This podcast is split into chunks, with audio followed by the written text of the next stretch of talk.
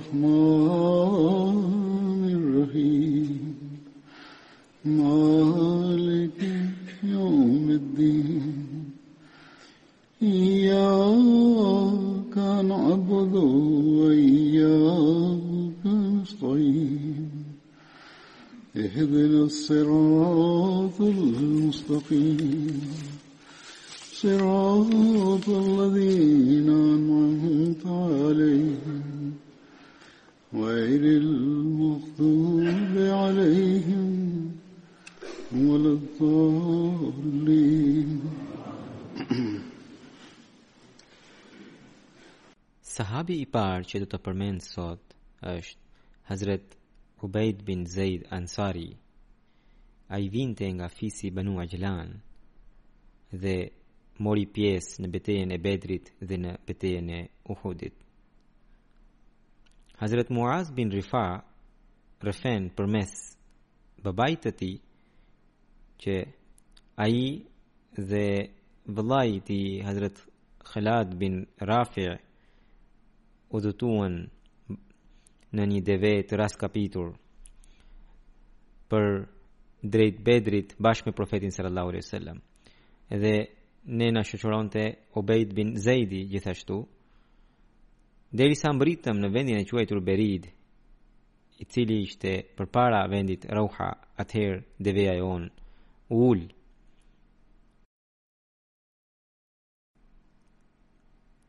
Ai vijon që deveja jonë u ul dhe ne iu lutëm Zotit, o Allah i madhërishëm, ne po bëjmë nijet në emrin tënd që nëse kthehemi në Medinë do të bëjmë kurban këtë deve. Ne ishim në këtë gjendje që ndërkohë, ndërkohë kaloi i dërguari i Allahut sallallahu alaihi wasallam pranë nesh, na pyeti se çfarë ndodhi. Edhe ne ia treguam gjithçka. Atëherë i dërguari i Allahut sallallahu alaihi wasallam ndaloi mori abdes dhe në atë ujin e ndenjur futi pështymën e tij dhe më pas me urdhrin e tij ne e lyem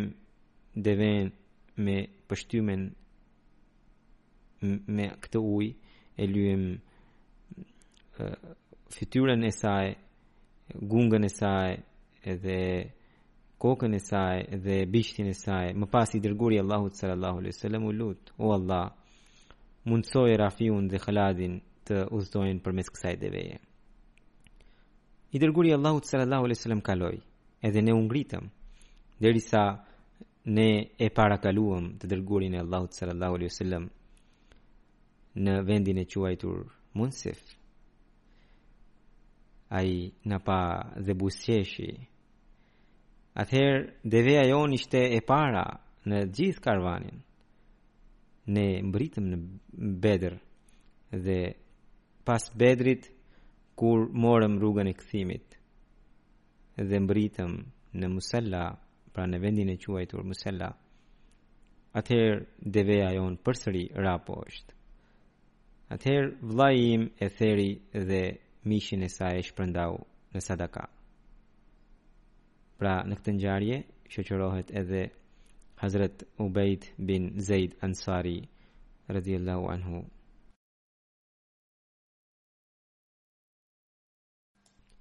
Hazret Zahir bin Haram al-Ashja'i ishte një sahab tjetër i betejës së Bedrit, i cili vinte nga fisi Ashja'.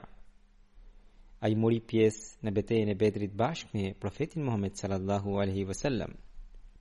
Hazret Anas ibn Maliku radhiyallahu anhu rrëfen që nga fshatarët ishte një njeri i cili quhej Zahir,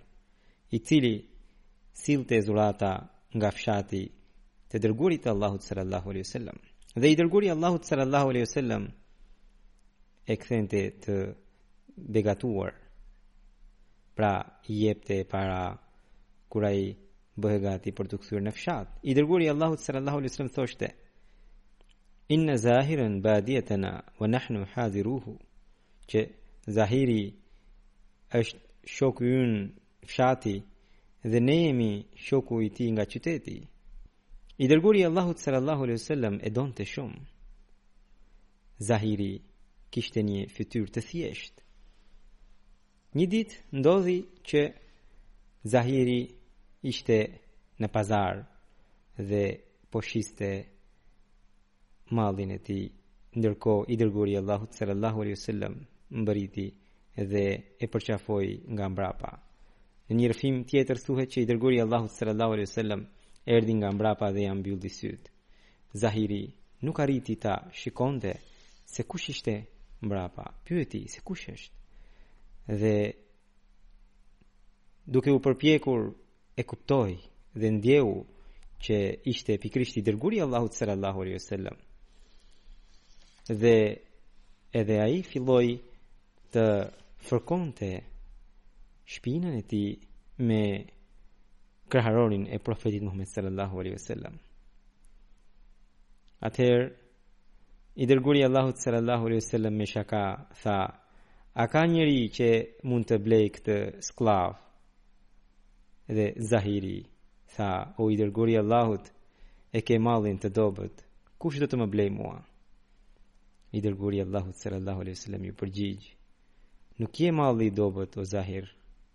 Allahu i lartësuar të çmon shumë.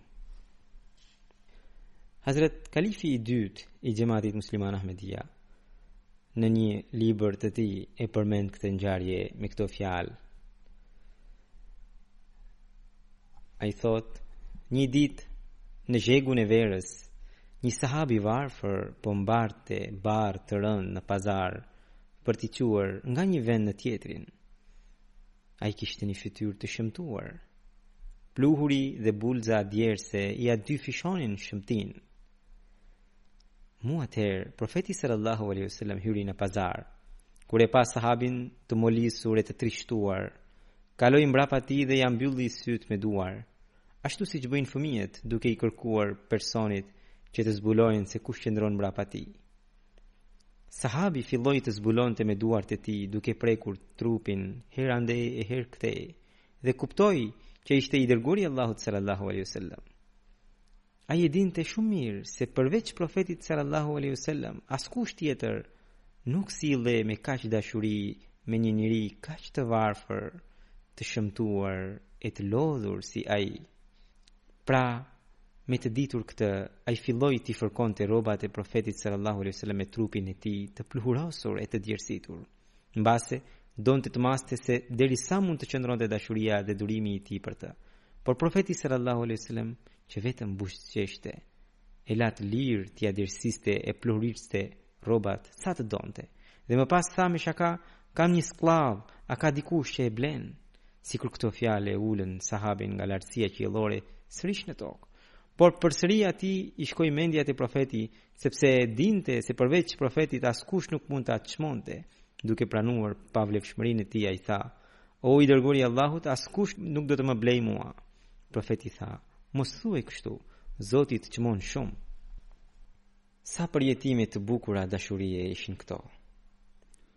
I dërguari i Allahut sallallahu alaihi wasallam një herë tha: Inna li kulli hadiratin badia, wa badiatu ali Muhammad Zahir ibn al-Haram, që çdo njeri i qytetit ka lidhje me një njeri të fshatit dhe lidhja e familjes së Muhammedit është me Zahir bin Haram.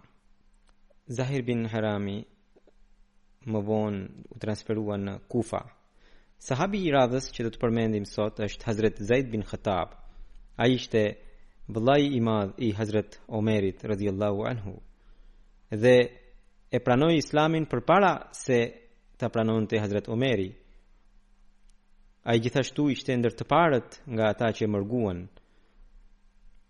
pra që bënë hixhretin. Ai mori pjesë në të gjitha betejat bashkë me Profetin sallallahu alaihi wasallam duke përfshirë betejën e Bedrit, betejën e Uhudit, betejën e Hendekut, Hudejbijen dhe bejtin e Ridwanit. I dërguari i Allahut sallallahu alaihi wasallam vendosi vëllazëri mes atij dhe mes Muan bin Adit. Të dy ranë dëshmorë në betejën e Jemamas. Në ditën e betejës së Uhudit, Hazrat Umeri radhiyallahu anhu i dha premtimin e Zotit vëllait të tij dhe tha pra Zeidit që merre parzmoren time dhe vishe këtë. Hazrat Zeidi e veshi për pak kohë, më pas e, e nxori. Dhe Hazrat Umeri pyeti, "Përse e ke nxjerr?" Hazret Zeidi tha që atë që ti e lakmon, pra të biesh dëshmor, edhe unë e lakmoj. Atëherë edhe Hazret Omeri nuk e veshi atë parzmore. Hazret Zeid bin Khatabi rrëfen një ngjarje të bete të Haxhit të Lamtumirës që i dërguari i Allahut sallallahu alaihi wasallam tha kujdesuni për skllavët tuaj, kujdesuni për skllavët tuaj. Hani Dhe jepini atyre për të ngrënë nga ato që ju hani. Jepini për të veshur nga ato që ju veshni. Nëse ata bëjnë ndonjë gabim, falini. Dhe nëse nuk dëshironi të falni, o robër të Allahut, shitni dikujt tjetër, por mos i ndëshkoni. Në betejën e Jemamas, kur muslimanët u lëkundën, atëherë Hazret Zaid bin Khattabi Me zë të lartë filloi të bërtiste, O Allah! Unë distancohem, tha, O Allah, unë të kërkoj falje për vëllezërit e mi që u lëkundën dhe distancohem nga qëndrimet e Muselme bin Kazabit, Muselme Kazabit dhe Muhkam bin Tufailit. Më pas ai u fut me shpatën e tij në radhët e armiqve derisa ra dëshmor. Kur ra dëshmor Hazret Zejdi, Hazret Omeri tha që Allahu e mëshiroftë Zejdin. Tha, vëllai im më ka parakaluar në dy mirësi, Edhe në pranimin e Islamit, edhe në edhe për t'u bërë dëshmor. Në një, një tjetër rrëfim thuhet që Hazret Omeri pa Mutamim bin Nuveira i cili po vajtonte vdekjen e vllait të tij Malik bin Nuveira. Hazret Omeri tha: Po të dija edhe unë të thoshja vargjet si ti, edhe unë kështu do ta vajtoja vllain tim, siç ti vajton për vllain tënd. Atëherë Mutamim bin Nuveira tha, Që nëse edhe vëllai im do të binte dëshmor ashtu siç ra dëshmor vëllai yt, unë kurrë nuk do ta vajtoja atë. Hazret Omeri tha, askush nuk më ka ngushëlluar në këtë mënyrë siç ngushëllove ti mua për vëllain tim.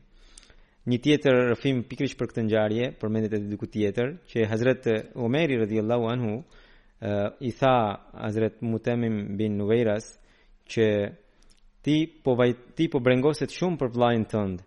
Ai tha që po unë njëra njëri prej syve m'është shkatërruar edhe syri tjetër i shëndoshë ka qarë kaq shumë saqë edhe syri i dobët filloi të rridhte lotët.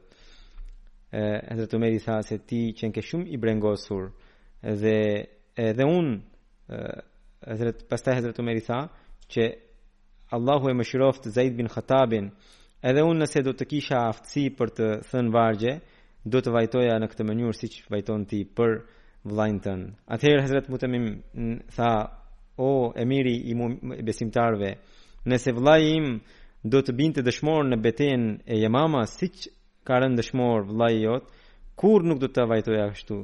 Hazrat Omeri u prek dhe tha, ke shumë të drejtë dhe Hazret Umeri pra kishte shumë dhimbje për ndarje për ndarjen e vëllait të tij. Dhe thoshte kur fry, kur fryn fladi i pranverës mua më vjen aroma e Zeidit. Njëri prej krahut kryesor të Musejlema Kezabit, Rajal bin Unfua, u vra pikërisht nga Hazret Zeid bin Khattabi. Uh, Unfua ishte një njeri i cili e pranoi islamin edhe bëri hixhretin dhe ishte një recitues i Kuranit. Më pas iu bashkua Muselemas. Sa e frikshme kjo. Pra, prandaj duhet gjithmonë duhet të lutemi për fundin e mbarë. Ai ishte ngatërresa më e madhe për Banu Hanifa.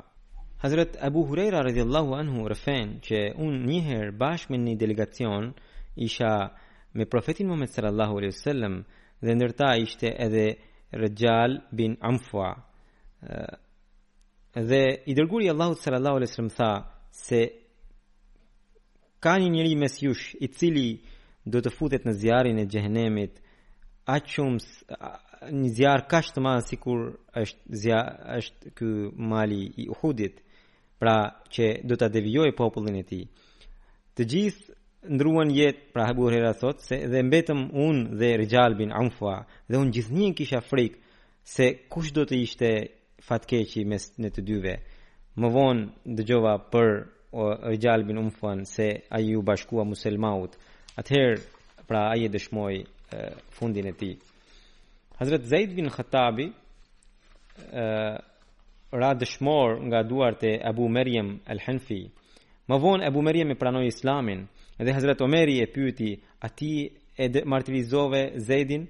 Ai tha: O emiri i besimtarëve, Allahu i Madhërishëm i dha pozitën e dëshmorit Zeidit me duart e mia, kështu që e ngriti në pozitë. Hazrat Omeri e pyeti Ebu Merjemin, më thuaj se në betejën e Jamama, muslimanët sa nga njerëzit tuaj mund të kenë vrarë? Ebu Merjem tha afërsisht 1400 veta. Hazret Omeri tha sa të mjerë kanë qenë ata të vrarë. Më pas Abu Merjem i tha që e gjithë lavdia është e Allahut, i cili mua më shpëtoi dhe më mundësoi të kthehesha pra të vija në fenë e tij dhe të bëhesha musliman për të ndjekur të dërguarin e Allahut. Hazret Omeri e pëlqeu fjalën e Abu Merjemit.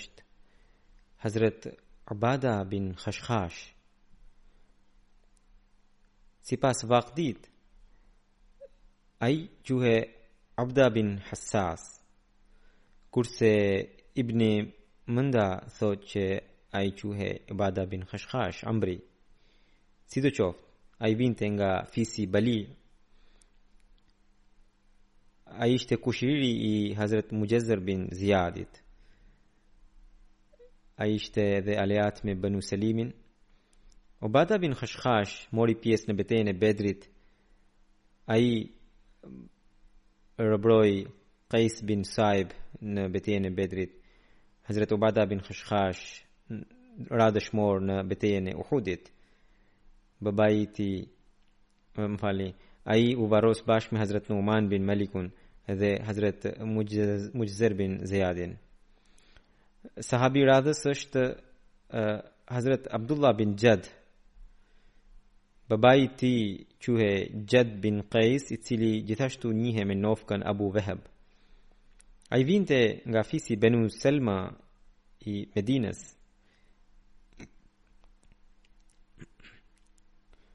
Hazret Muaz bin Xhebel ishte vëllai i tij nga nëna Hazret pra sahabi në fjalë Hazret Abdullah bin Jad mori pjesë në betejën e Bedrit dhe në betejën e Uhudit.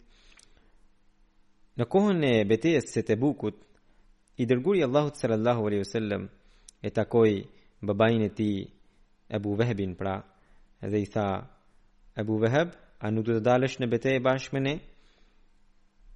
Abu Wahbi i tha, o i dërguri i Allahut, më jepni leje Mos më sprovoni sepse i gjithë populli e di që unë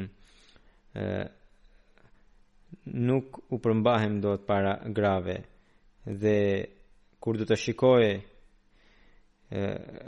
gratë e bukura të romakëve nuk do të përmbahem dot. Shikoni çfarë hile i dërguari i Allahut sallallahu alaihi wasallam i dha leje pra që të mos merrte pjesë në betejë. Hazrat Abdullah bin Jad shkoi tek babai i tij kur e mori vesh dhe i tha: "Përse e refuzove të dërguarin e Allahut sallallahu alaihi wasallam? Pasha Allahun, ti je njeriu më i pasur i Benu Selmas dhe sot ti nuk po merr pjesë në betejë?" dhe as nuk po i jep deven tënde dikujt, ai tha, pra, djalit tani i jep një, një arsye tjetër. Ai tha që o djalë nuk mund të dal dot në këtë vapë drejt Benu Esferit. Pasha Allahun këtu në Kharba, pra në Kharba ishin shtëpitë e tyre, unë ndjej frikën e romakëve, edhe këtu nuk e ndjej të sigurt veten. Kaq shumë kishte frikë nga romakët. Ishte frikacak. Dhe si ka mundësi që unë tani të dal dhe të luftoj kundër tyre? Dhe thotë, pasha Allahun, unë njof shumë mirë rotacionet e kohës. Dhe unë e di që sot është diçka tjetër dhe nesër do të jetë diçka tjetër. Dhe Hazret Abdullah uh, u tregua i ashpër me babain dhe tha, pasha Allahun, unë shoh shenjat e hipokrizisë në zemrën tënde. Dhe ka mundësi që i dërguari i Allahut sallallahu alaihi wasallam të marrë ndonjë shpallje prej Allahut dhe besimtarët ta kuptojnë gjendjen e zemrës tënde. Hazrat babai i Hazrat Abdullahut u zemrua, hoqi këpucën dhe ia përplasi në fytyrë djalit të tij. Më pas Abdullahu u largua prej atje. Jad bin Qaisi, pra babai i sahabit në fjalë, në një vend në Asadul Gaba thuhet që ka pasur hipokrizi në zemrën e tij. Megjithatë, ai kishte marrë pjesë në Hudejbia dhe edhe atje nuk mori pjesë në betimin në bejtin e Rizuanit që u realizua atje dhe thuhet se më pas ai u pendua dhe ndërroi jetë në kohën e Hazret Usmanit pra në kalifatin gjatë kohës të Hazret, kalifatit të Hazret Usmanit radhiyallahu anhu Sahabi i radhës që do të përmend sot është Hazret Haris bin Aus bin Muadh. Ai vinte nga fisi Aus dhe ishte nipi i kryetarit të këtij fisi Hazret Saad bin Muadh. Ai mori pjesë në betejën e Bedrit dhe betejën e Uhudit Thuhet për të që ai ishte njëzet e tetë vjeç kur ishte martirizuar në betejën e Uhudit. Por ka edhe rrëfime të tjera që tregojnë se ai jetoi edhe pas kësaj beteje. Kështu që Hazrat Aisha radhiyallahu anha tregon që në duke u kthyer nga beteja e Uhudit, thotë, unë po i ndiqja hapat e, e njerëzve Ndërkohë, dëgjova nga mbrapa se po vinte dikush, e ktheva kokën, ishte Hazrat Sa'ad bin Mu'adhi dhe nipi i tij Haris bin Ausi. Pra, ba me me mburojat e tyre në dorë. Ky rrëfim tregon që ai jetoi edhe pas betejës së Uhudit. Në lidhje me Harithin thuhet që ai mori pjesë edhe në ë ë aksionin ushtarak kundër Ka'b bin Ashrefit. Ë dhe aty ai u plagos dhe sahabët e morën dhe e sollën tek i dërguari i Allahut sallallahu alaihi wasallam. Ka'b bin Ashrafi ishte njëri prej kryetarëve të Medinës, i cili bëri marrëveshje me profetin sallallahu alaihi wasallam dhe nuk e zbatoi dhe jo vetëm kaq, por edhe shkaktoi trazira. Dhe i dërguari i Allahut sallallahu alaihi wasallam vendosi që ai të vritet. Sidoqoftë, ai u plagos gjatë këtij aksioni. Në një libër, Sherhu Umdetul Kari, përmendet më gjerësisht kjo ngjarje, që Muhammed bin Muslima, kur bashkë me shokët e tij, shkoi për ta sulmuar Ka'b bin Eshrefin, ndër ta ishte edhe Hazret Saad, Hazret Harith bin Aus, Dhe Harith bin Ausi u plagos nga njërën prej shpatave të muslimanëve, pra gabimisht u plagos. Kështu që pasi përfundoi aksioni, ata e morën Harithin dhe e sollën tek profeti sallallahu alaihi wasallam dhe i dërguari i Allahut sallallahu alaihi wasallam ly leu plagën e tij me pështymën e vet dhe më pas ai u shërua. Ngjarjen e vrasjes së Kab bin Ashrefit ju kam treguar edhe më parë shkurtimisht, por sot duke iu referuar librit të Hazret Mirza Bashir Ahmed Sahibit,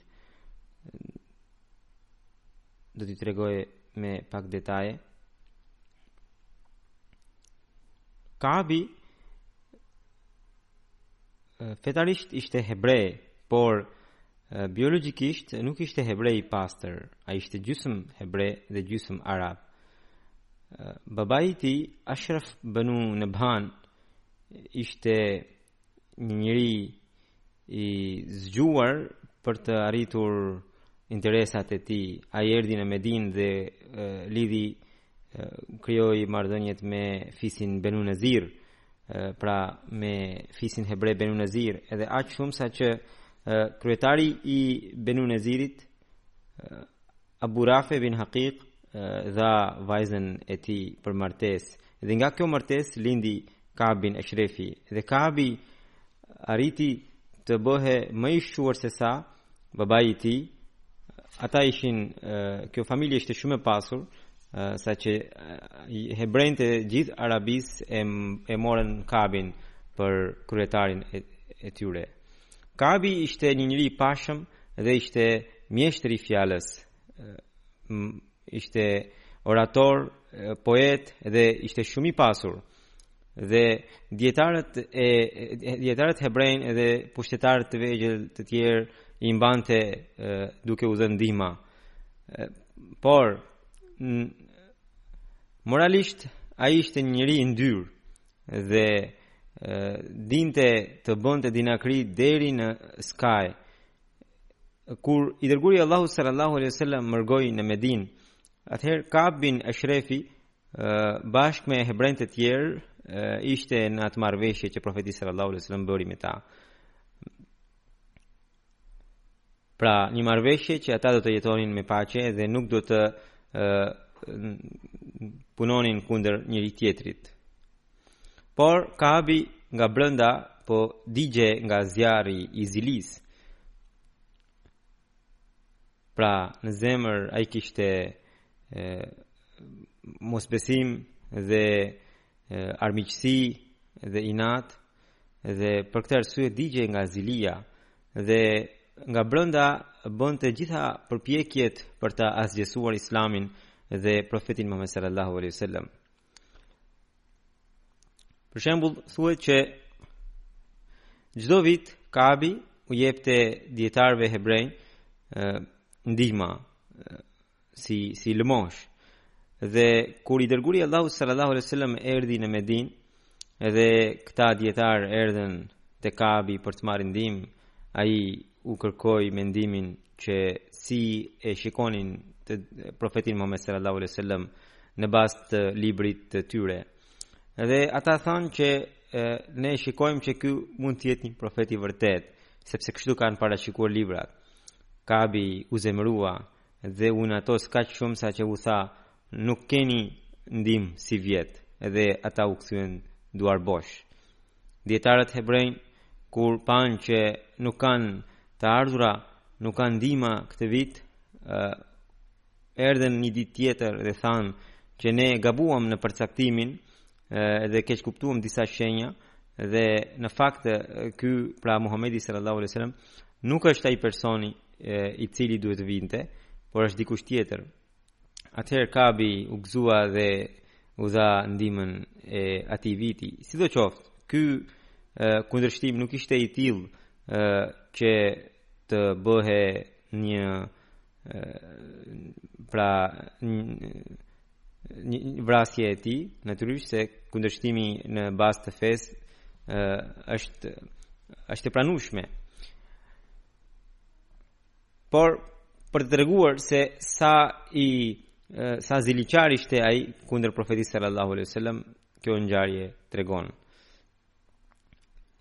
Më në fund erdhi koha e betejës së Bedrit dhe ai edhe gjatë kësaj kohe bëri të gjitha përpjekjet për t'i nxitur njerëzit kundër muslimanëve. Dhe për muslimanët ishte krijuar situatë shumë e vështirë. Fillimisht ai u tha njerëzve që muslimanët nuk kanë aspak fuqi dhe prandaj është mirë që të ndihmojmë kurejshët, pra idhujtarët në mënyrë që ne të sundojmë. Por kur u zhvillua beteja dhe shumica e krerëve të kurejshëve u vranë, ai u shqetësua jashtë mase, madje thuhet që kur atij i erdhi lajmi që muslimanët e morën betejën, ai nuk arriti, nuk arrinte ta besonte dhe tregohej jashtëzakonisht i zemëruar, por kur e, e kuptoi që me të vërtetë kështu ka ngjarë, Atëherë ai u nis për në Mekë, pra udhëtoi nga Medina në Mekë dhe takoi krerët e mbetur të idhujtarëve dhe me mjeshtrinë me oratorinë e tij dhe me fjalimet dhe me poezinë e tij I nxiti aq shumë saqë i mori krerët dhe i ço i solli tek Qabja dhe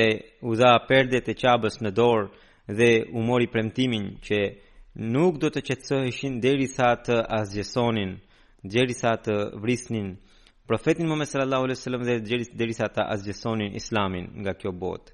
Dhe kjo ngjarje ndezi një zjarr të fortë hakmarrjeje në zemrat e idhujtarëve mekasve. Dhe ata me u përgatitën jashtëzakonisht shumë për betejën e radhës, pra për betejën e Uhudit. Më pas, Ka'b bin Eshrefi iu drejtua fiseve të tjera, shkoi në çdo popull dhe ndërmori nismat për t'i nxitur ata kundër muslimanëve.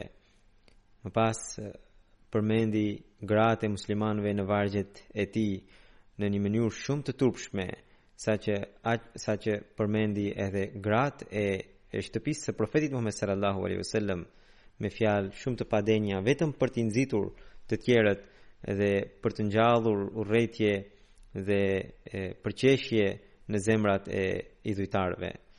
Më në fund ai edhe bëri planin e vrasjes së Muhamedit sallallahu alaihi wasallam e ftoi në shtëpinë e tij dhe ngarkoi disa djem hebrenj për ta vrarë atë në shtëpinë e tij. Por i dërguari i Allahut sallallahu alaihi wasallam mu në kohë u njoftua prej Zotit dhe kjo tentativë për vrasje nuk u realizua. Kur situata erdhi deri këtu që Kabi në radhë të parë bëri pabesi, pastaj u rebelua bëri ë nxiti të tjerët për luftë dhe përdori fjalë të pahijshme për gratë muslimane dhe përga, stra, bëri strategji për të vrarë edhe profetin Muhammed sallallahu alaihi wasallam. Atëherë i dërguari i Allahut sallallahu alaihi wasallam që në atë kohë ishte e, ishte kryetari i zgjedhur unanimisht për Medinën, vendosi që ai të dënohe me vdekje. Mirëpo, situata në Medinë ishte e tillë që nëse ky vendim do të lëshohe dhe më pas do të ekzekutohe, në Medinë do ishte do të, do të bëhe një luftë civile, sepse Kab bin Ashrefi ishte, siç thamë, ishte një prej prijësve të hebrenjve. Prandaj profeti sallallahu alaihi wasallam kërkoi që kjo të bëhet në mënyrë të fshehtë dhe ai zgjodhi një musliman të sinqertë të fisit Eus të Medinës, Muhammed bin Muslima, dhe e porositi që ai të këshillohe nga nga kryetari i fisit Eus Saad bin Muadhi radhiyallahu anhu Muhammed bin Muslima i tha profetit sallallahu alaihi wasallam që ne nëse dëshir, nëse mund nëse duam të bëjmë në heshtje këtë atëherë duhet të bëjmë një plan veprimi i dërguari i Allahut sallallahu alaihi wasallam i lejoi atëherë pasi u këshillua me Saad bin Muazin Muhammed bin Muslima bashkë me disa shokë të tij tjerë, Abu Naila dhe dy tre sahabë të tjerë, shkuan tek shtëpia e Kabit dhe i kërkuan takim. Ai i priti dhe ata i thanë se ne kemi ardhur sepse profeti Muhammed sallallahu alaihi wasallam na kërkoi lëmoshë dhe këto ditë jemi e, jemi keq financiarisht dhe prandaj kemi ardhur te ti që ti të na japësh borxh. Duke dëgjuar këtë Kab, Kabi pra u gëzua dhe tha që shumë shpejt ju do të braktisni Muhammedin dhe do të vini për çdo gjë tek unë.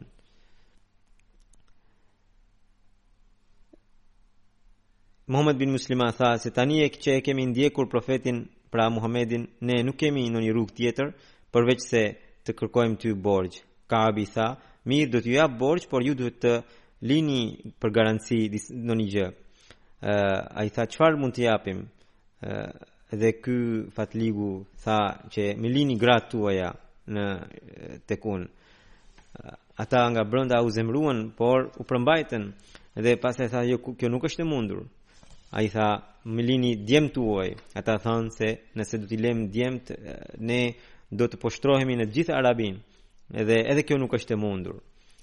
Atëherë Muhammed bin Muslima tha që do ishte mirë që të na pranon pranoje armët si garanci Kaabi u pajtua dhe ata e lanë që natën do të vinin me armët dhe do t'ia dorëzonin Kaab bin Ashrefit. Muhammed bin Maslama u kthye dhe gjatë natës erdhi me disa shokë të tij dhe trokiti në derë dhe tashmë ata ishin kishin armë me vete dhe e, kur Kaab bin Ashrefi doli nga shtëpia e mposhtën dhe më pas e vranë. Dhe gjatë kësaj përpjekje ky sahabi në fjalë për të cilin ne po flasim, pra Hazrat Zeidi u plagos sepse një shpatë e lëndoi në këmbë. kur e, kur e vranë Kaabin dhe erdhën tek i, i dërguari i Allahut sallallahu alaihi wasallam dhe e njoftuan. Të nesërmën lajmi u përhap si zjarr dhe e, gjithë hebrenjtë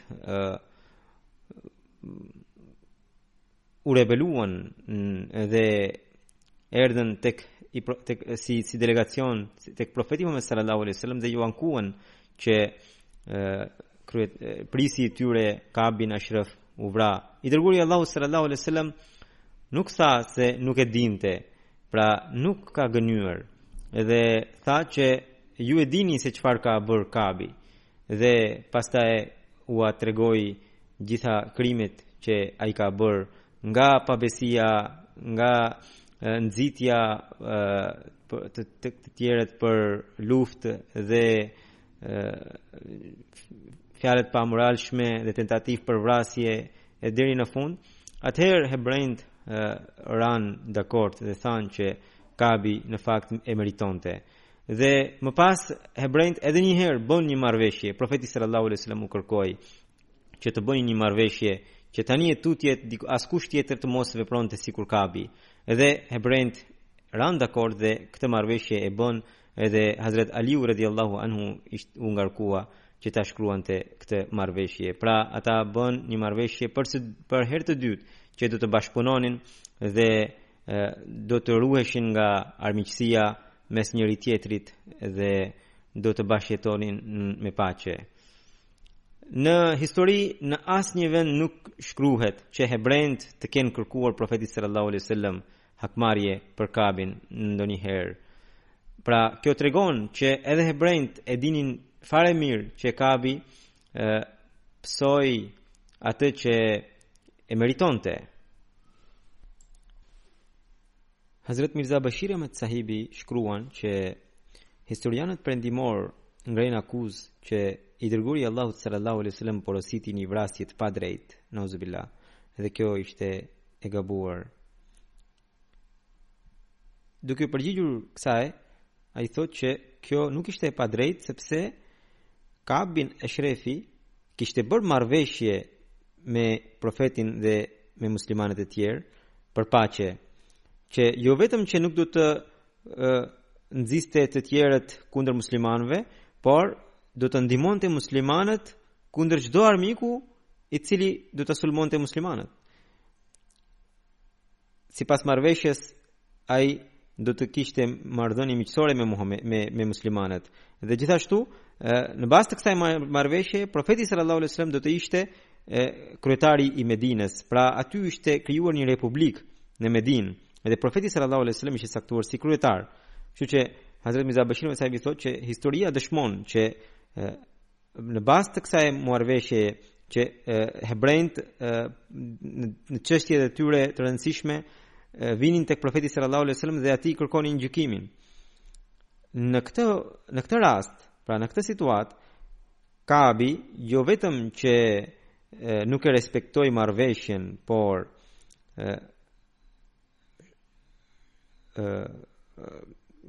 pra jo vetëm që tregoi armiqësi kundër muslimanëve, por tregoi armiqësi kundër udhëheqjes së Republikës së Medinës.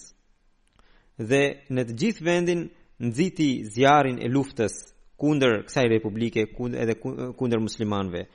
Dhe shkoi deri në Mekë për t'i nxitur idhujtarët e, që ata të sulmonin profetin Muhammed sallallahu alaihi wasallam shkroi vargje fjalime të, me fjalë të pahijshme duke iu drejtuar grave muslimane dhe më në fund edhe tentoi ta vriste Muhammedin sallallahu alaihi wasallam në një akt dhe në një situatë të tillë kur vetë muslimanët ishin në një vështirësi të jashtëzakonshme që nga çdo anë armiku ishte gati të sulmonte muslimanët, Hazret Mirza Bashir Ahmed Sahibi thotë që profeti sallallahu alaihi wasallam e kishte për detyrë që ta largonte shkakun e trazirës. Hazrat Mirza Bashir Ahmed Sahibi shkruan që në në këto këto vende perëndimore të ashtuquajtura civilizuara ë për një pabesi të tillë vendosin për dënimin me vdekje atëherë pse akuzojnë profetin sallallahu alaihi wasallam pyetja e dytë që ata ngrenë është për mënyrën e vrasjes se përse kjo vrasje është bërë gjatë natës dhe duke u përgjigjur kësaj ai thotë që situata ishte e tillë që profeti sallallahu alaihi wasallam pavarësisht se ishte caktuar si prijësi i Medinës, prapëseprapë fiset uh, ishin të lira të vepronin për gjërat e vogla, për çështjet e tyre brenda vetes. Dhe uh, cila ishte gjykata ku profeti sallallahu alaihi wasallam të mund t'i drejtohej në këtë situatë kur muslimanët uh, kishin rrezik për vdekje dhe hebrenjtë kishin bërë tentativa për t'u lidhur me armikun edhe për ta sulmuar Muhammedin sallallahu alaihi wasallam. Si mund ta çonte aktakuzën tek këta këta hebrenj që gjykoni prijësin tuaj? Pas hebrenjve ishin fiset Selimi dhe Gatfani.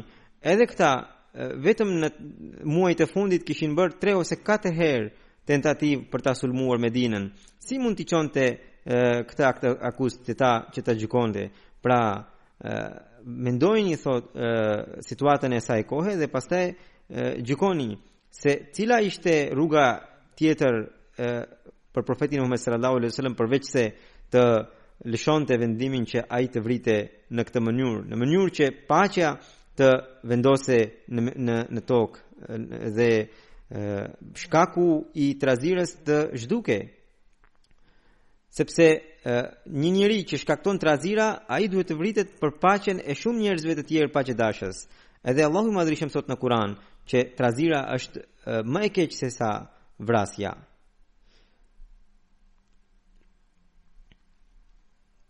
pra sipas kësaj marrëveshjeje që pas hixhretit muslimanët bënë me hebrenjtë, i dërguari i Allahut sallallahu alaihi wasallam nuk ishte më një njeri i thjeshtë, një qytetar i thjeshtë, por ishte prijësi i Medinës, ishte ishte mbreti i Medinës dhe ai e kishte për detyrë të shikonte